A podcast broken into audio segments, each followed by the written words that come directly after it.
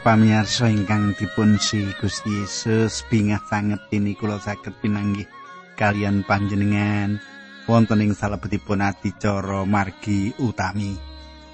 Kados pundi pawartos panjenengan kadang kula menapa panjenengan sae-sae kemawon panjenengan diberkahi Gusti inggih. Pandonga kula kalian rencang-rencang ing batu panjenengan tansah pinayungan tining Gusti ingkang murpen jagat lan mirah rezeki. Sugeng midhangetaken adicara menika.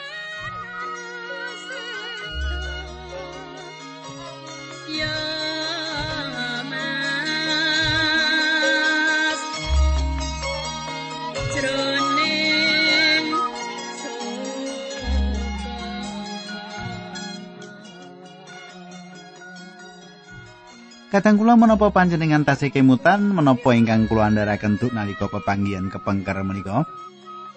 Panyuwun kula panjenengan tasih kemutan nanging sekedhik kula wangsuli duk nalika pepanggihan kepengker kita sampun nyemak perang sederek antawisipun kerajaan sisih ler lan kerajaan sisih kidul. Tasih kemutan panjenengan kadang kula monggo kita tumungkul kita tetunggu rumiyin saderengipun kita lajengaken nanging kula badhe ngaturaken salam kagem Bapak Slamet Agung Wahyudi. Nggih. Terus pundi, Pak? Slamet panjenengan sae-sae lan sesarengan kalian kula. Ha, nggih. Kadang kula monggo kita tumungkul kita ndedonga sesarengan.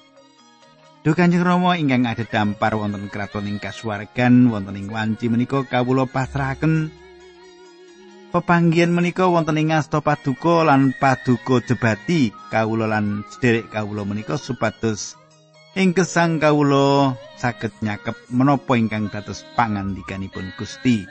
Linambaran asmanipun Gusti Yesus Kristus kawula ndedonga. Amin.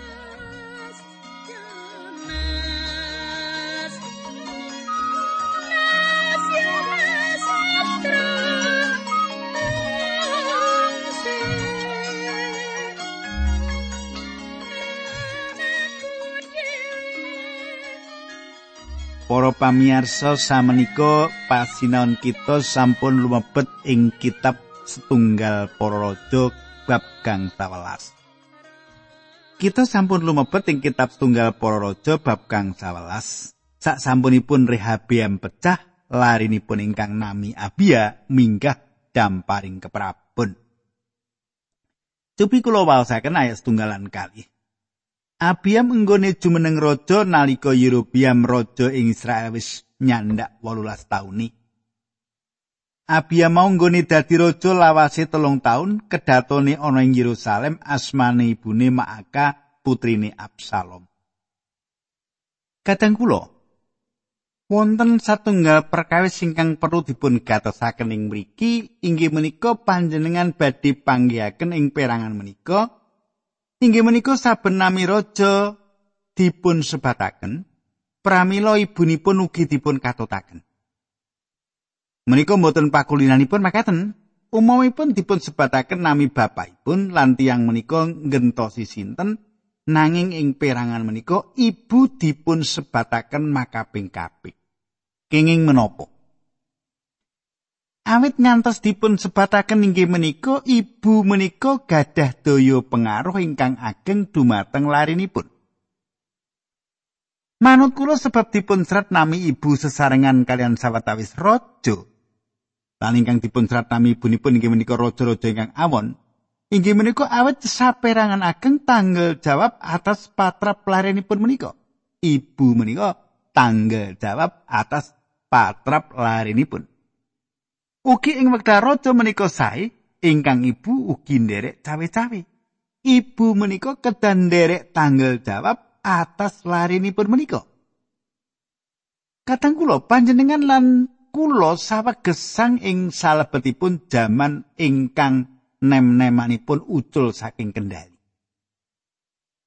Ucul saking kendali, nem-nemanipun ucul saking kendali. Kulo mangertos kangilan saged nempo ing salebetipun keluarga Kristen. Nanging umumipun lara-laraipun nem-neman menika wonten sambung rapetipun kalian gaya gesangpun.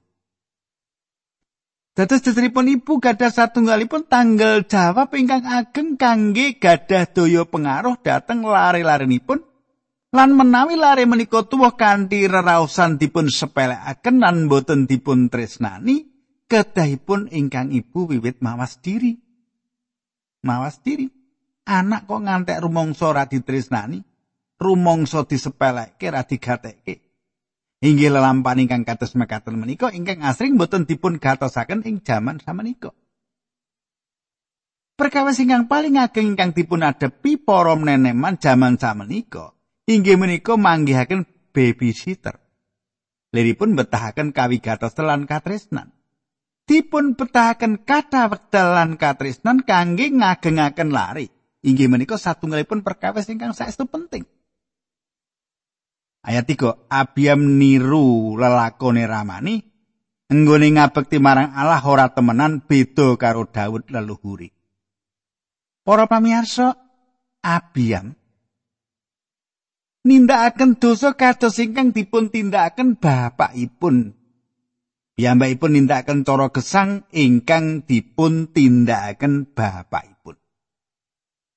Bapakipun ugi dipun lepataken awit menapa ingkang dipun tindakaken bapakipun mestinipun dados jejering bapak kedah saged dados patuladan. Abiam boten ageng wonten ing tengah-tengahipun keluarga ingkang sae. Ugi dipun pratelaken bilih piyambakipun boten kanthi golong gilik sumindi dumateng Gusti Allahipun kados Daud leluhuripun. Daud dados ukuran tumrap raja-raja menika. Daud dados ukuran kangge manungsa nanging ugi sampun dados ukuran ingkang dipun tampi dening Gusti Allah. Kadang kula dadi wong tuwa sing ati-ati awit patra panjenengan minangka diri wong tuwa ditiru karo putra-putra panjenengan. Mulane nek nyontoni sing apik-apik wae. Aja sing elek, gitu. Ayat cekawan. Nanging merga saka Daud Gusti Allah paring anak lanang marang Abiam kanggo ganti dadi raja ing Yerusalem lan kanggo nglestarekake kutha mau. Kadang kula garis turunipun Daud mboten nate mandek ngantos panjenengan dumugi Gusti Yesus Kristus. Garis turunipun Daud menika mandek wonten ing mriku panjenengan mboten saged ningali garis turunipun Daud sasampunipun Sang Kristus. Samenika ayat gangsa sing mengkono mau mergo Daud lampahani gawe renani penggali Allah lan ora tau nglirwakake dawuh-dawuhe pangeran kejaba mung ing bab perkarane karo Uria wong Het Para pamirsa kenging menapa Gusti Allah nampi Daud dados ukuran? Awit dosanipun mboten. Dosa menika satunggal seratan cemeng wonten ing lampah gesangipun Daud. Menawi panjenengan badhe ngadili Gusti Allah gegayutan sesambetanipun kalian Daud, panjenengan kedah mangertos menapa ingkang sejatosipun dipun ngandikaaken Gusti Allah gegayutan Daud. Gusti Allah nyerat tanggung jawabipun Daud ing salebetipun ayat menika. Daud mboten nyimpang saking menapa kemawon. Kajawi wonten ing salebetipun masalah Uria tiang het menika. Lelampahan menika satunggalipun cacat ing salebetipun seratan gesangipun Daud. Ing perkawis ingkang sanes. Daud bangun turut dumateng Gusti Allah. Daud mboten gesang ing salebetipun dosa. Raja Babel nindakaken gesang ing salebetipun dosa menika. Menapa ingkang dipun tindakaken Daud ing satunggalipun wekdal dipun tindakaken Raja Babel ing saben dinten. perkawis menika tansah dipun tindakaken raja Mesih ing saben minggu. Kadang kula sedaya pemikiranipun dipun wujudaken dening Gusti Yesus ing salebetipun pasemon bab lare ingkang ical. Lare menika saged mlebet ing kandanging babi. Putra Gusti Allah saged mlebet ing salebetipun kandang babi nanging kangge jalaran ingkang sami putra Allah mboten badhe makuan ing kandang babi. Kenging menapa mboten? Jalaranipun sampun cetha panjenenganipun menika putra Sang Rama lan sanes lari babi. Babi manggen wonten ing kandang babi. Lari-lari kepengin manggen ing griyanipun bapakipun.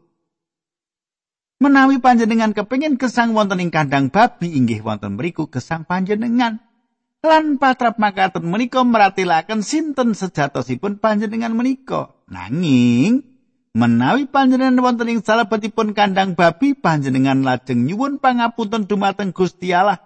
Panjenenganipun ngatosaken panyuwun panjenengan. Ing wekdal panjenengan manembah panjenenganipun, panjenenganipun badhe nampeni panjenengan. Daud nindakaken satunggalipun patrap ingkang lepat nanging Daud ngakeni kalepatanipun. Nanging pembangun turut dumateng Gusti Allah inggih menika satunggalipun perkawis ingkang normal kangge Daud. Panjenenganipun inggih menika abdi Allah ingkang ageng lan dados ukuranipun jagat lan kangge raja-raja. Sameneika ayat 6, selawase jumeneng raja Abiam tansah perang karo Yerobiam. Kateng kula, jaman menika satunggalipun jaman cecongkrahan. Wekdal menika wekdal peperangan antawisipun sederek kalian sederek lan kawontenan ingkang kados makaten dados jalaran ringkihipun kerajaan menika. Ayat pitu lan wolu riwayat Raja Abiam liyane wis katulis sing kitab sejarah Raja-raja Yehuda. Abiam sedo lan disarekake ing kutane Daud, Asa putrane ngenteni dadi raja.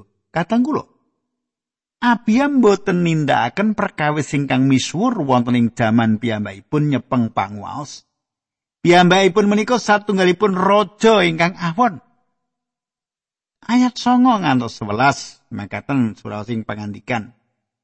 Nalika Asad jumeneng raja ing Yehuda, Yerobeam nggone dadi raja ing Israel nyandak rong puluh tahun. Asanggone jumeneng raja ing Yerusalem lawase patang puluh siji taun asmane iyange Maaka putrine Abisalom. Asa sugenge gawe renaning penggali Allah kaya Daud leluhuri. Para pamirsa, panjenengan semak bilih ing mriki dumados tumpang tindih sedangunipun kalih taun. Asa cepeng panguwaos sedangunipun kalih taun mangsa pungkasan ing gesangipun Yerobeam. Asa nyepeng panguwas sak dangunipun kawan dosa setunggal taun, piyambakipun nyepeng panguwas ingkang dangu piyambak ketimbang raja ing pundi kemawon. Namung wonten kali raja ingkang nyepeng panguwas langkung dangu saking asa inggih menika usia lan manase. Naminipun ibu asa inggih menika Maaka. Asa inggih menika satunggalipun raja ingkang sae Lan ibuyipun nampi pangalembono ing mriki awit patrap gesangipun asa. Samenika menapa ingkang dipun tindakaken? Ayat kali walas para wanita tuna susira sing padha ngladining papan-papan panyembahan tiwa-tiwa padha dilungakake kabeh lan brahala-brahala setanah Yuda yasane raja-raja sadurunge panjenengane kabeh dirusak. Kadang kula asal lumawan patrap homoseksual. Patrap laku nyimpang makaten menika mboten saged kasebat manungsa ingkang gadah tata susila utawi beradab. Menawi ngantos gadah pratingkah ingkang kados makaten menika, patrap ingkang kados makaten menika saged kawestanan kemrosotan ingkang awrat sanget. Kita kedah mangertos bilih patrap kados makaten menika kalebet dosa. Patrap bobrok awon lan asor kados diri dosa menapa kemawon ingkang dipun tindakaken tiang. Asa ngrampungaken perkawis menika lan piyambakipun dipun sebat dados tiang ingkang sae. Ayat 16 selawase jumeneng raja ing Yehuda asa tansah perang karo Baisa raja Israel. Kadang kula asa perang lumawan Baisa raja Israel. Perang menika satunggalipun perang ingkang mbetahaken wekdal ingkang panjang. Ayat 18 lan 19 Raja Asa banjur munduti slokolan emas sing isih kari ana ing pedalemane Allah lan ing kedaton dikirim menyang Damsip kagem Ben Hadad raja Syria putrane Tabrimon wayahe Hesion barang-barang mau digawake punggawa kedaton sing diutus mrono karo diweling matur mengkini. Sumangga kita damel perjanjian memitran kados bapak kula lan bapak panjenengan rumiyin Sareng kalian serat menika kula nyaosaken tondo tresno ngiras ngaturi panjenengan medhot sesametan kalian Baisa raja ing Israel supados piyambakipun narik wangsul tentaranipun saking wilayah kula. Kadang kula asa nyukani sosok bulu bekti glondong pengareng-areng awujud emas lan perak dumateng Ben Hadad kangge rukun kalian piyambakipun. Menika katindakan sepatus Ben Hadad ampun ngantos ngrebat kerajaanipun asal sekuton kalian Ben Hadad Raja Aram. Saged ugi ingkang dipun tindakaken menika satunggalipun patrap lepat ingkang dipun tindakaken. Ayat kelikur, sawise mengkono Raja Asa banjur dawuh marang wong sawilayah Yehuda kabeh supaya ngusungi watu lan kayu sing dinggo dening Baesa kanggo nyantosani kutha Roma lan digawa menyang Mispa lan Geba ing wilayah Benyamin kanggo nyentosani kutha-kutha mau. Sampun tentu kemawon asal nindakaken perkawis menika kangge ngayomi kerajaanipun. Ayat 3 ngantos kawan likur riwayate raja asaliyane ya kuwi bab prawirane lan kutha-kutha sing disentosani wis ditulis ing kitab sejarah raja-raja Yehuda bareng ngunduri sepuh asa gerah sampeyane karo pisan. Asa sedo lan disarekake ing pesareane raja-raja ing kutane Daud Yosafat putrane ngenteni dadi raja. Kados dene kita semak Yosafat inggih menika raja sanes ingkang sae. Samenika kita wangsul nyemak nadab larinipun Yerobeam. Ayat selangkung ngantos 16. Nalika sanggone jumeneng raja ing Yehuda nyandak rong taun, nadab putrane raja Yerobeam dadi raja Israel lawase rong taun. Ora beda karo ramane nadab nglampahi dosa ing ngarsane Allah. Temah njalari wong Israel padha melu gawe dosa. Kadang kula nadab Wiwit nyepeng pusaraning praja ing wulan kaping kalih jaman peperintahanipun Asa raja Yehuda. Nadak nyepeng pusaraning praja sedangunipun kalih taun atas Israel. Kita badhe manggihaken gentos kinentos raja raja awan menika kathah dosa ingkang dipun tindakaken lan sekuton politik ing salebetipun kerajaan Sisiler. Ayat 17 Baisa bin Ahia saka taler Isakar gawe komplotan nglawan marang Nadab nganti Nadab disedani nalika semono Nadab karo tentarane lagi ngepung kutha Gibeton ing tanah Filistia. Para pamirsa, Piyambakipun saged ugi gadah penginten ing jaman piyambakipun nyepeng pusaraning praja wonten katentreman nanging kasunyatanipun boten wonten dadi kurang pengati-ati nggih Sadangunipun tiang-tiang menika gesan tansah wonten peperangan antawisipun Asa kalian Baisa. Perang sedherek ingkang betahaken wekdal panjang, ingkang nerasaken kegiatan lan bondo donya kalih kerajaan menika. Perkawis menika ugi adamel kalih kerajaan menika dados dolanan negari ingkang kiat ing sakiwa tengenipun. Kalih kerajaan menika dipun rebat makaping-kaping dening Mesir ing sisih kidul dening asal kerajaan ing sisi lor ngantos dumugi semanten Baesa nyepeng pusering pemerintahan langkung dangu tinimbang kalian raja-raja ingkang sanes ing kerajaan sisi lor. pun nyepeng pusering pemerintahan sadangunipun kawan likur tahun. Nanging demateng kita dipun cariyosaken bilih tiyang menika kedah dipun endhekaken enggenipun nyepeng panguwaos awit piyambakipun nindakaken piawon. Nah kadang kula samenika kita lumebet setunggal praja bab 16. Mekaten ayat 3 sekawan kula punggel mawon nggih lajeng ayat 3 lan sekawan. Mulane aku bakal numpes keluargamu padha kaya nggonmu numpes keluargane Yerobeam. Keluargamu sing mati ing kutha jijime bakal dipangan asu lan sing mati ana ing sanjabane kutha bakal dipangan manuk ing awang-awang. Kadang kula menika satunggalipun jaman ingkang mrehatosaken ing salebetipun panggesanganipun raja menika. Awit Baisa milih ngedum reraosan ing salebetipun dosa ingkang dipun tindakaken ing salebetipun keluarga ageng Yerobeam. Pramila piyambakipun ugi keduman paukuman ingkang awrat ingkang kedah dipun tampi, malah ngantos dipun tedha dening segawon. Kula lajengaken ayat 5 teko 8 nggih. pangandikane Allah marang Baisa mau diterusake dening Nabi Yehu marang Baisa marga raja mau wis gawe dosa marang Allah. Baisa gawe dukane Allah ora mung marga piala-pialane sing dilakoni. Nanging uga merga nggone wis mateni keluargane Yerobiam kabeh riwayate basa liyane uga bab kekendelane kabeh wis ditulis ing kitab sejarah raja-raja Israel. Basa sedo lan disarekake ing pesarian ing Tirsa. Ela putrane ngenteni dadi raja. Nalika asanggone jumeneng raja ing Yehuda nyandak 26 taun Ela putrane Baisa dadi raja ing Israel nggone jumeneng raja ing Tirsa lawase rong taun Kadang kula panjenengan gatosaken Ela namung nyepeng pusaraning pemerintahan sadangunipun kalih taun ngantos Simbri. Panglimanipun piyambak ingkang sekuton lan mimpin satunggalipun pemberontakan lumawan piyambakipun.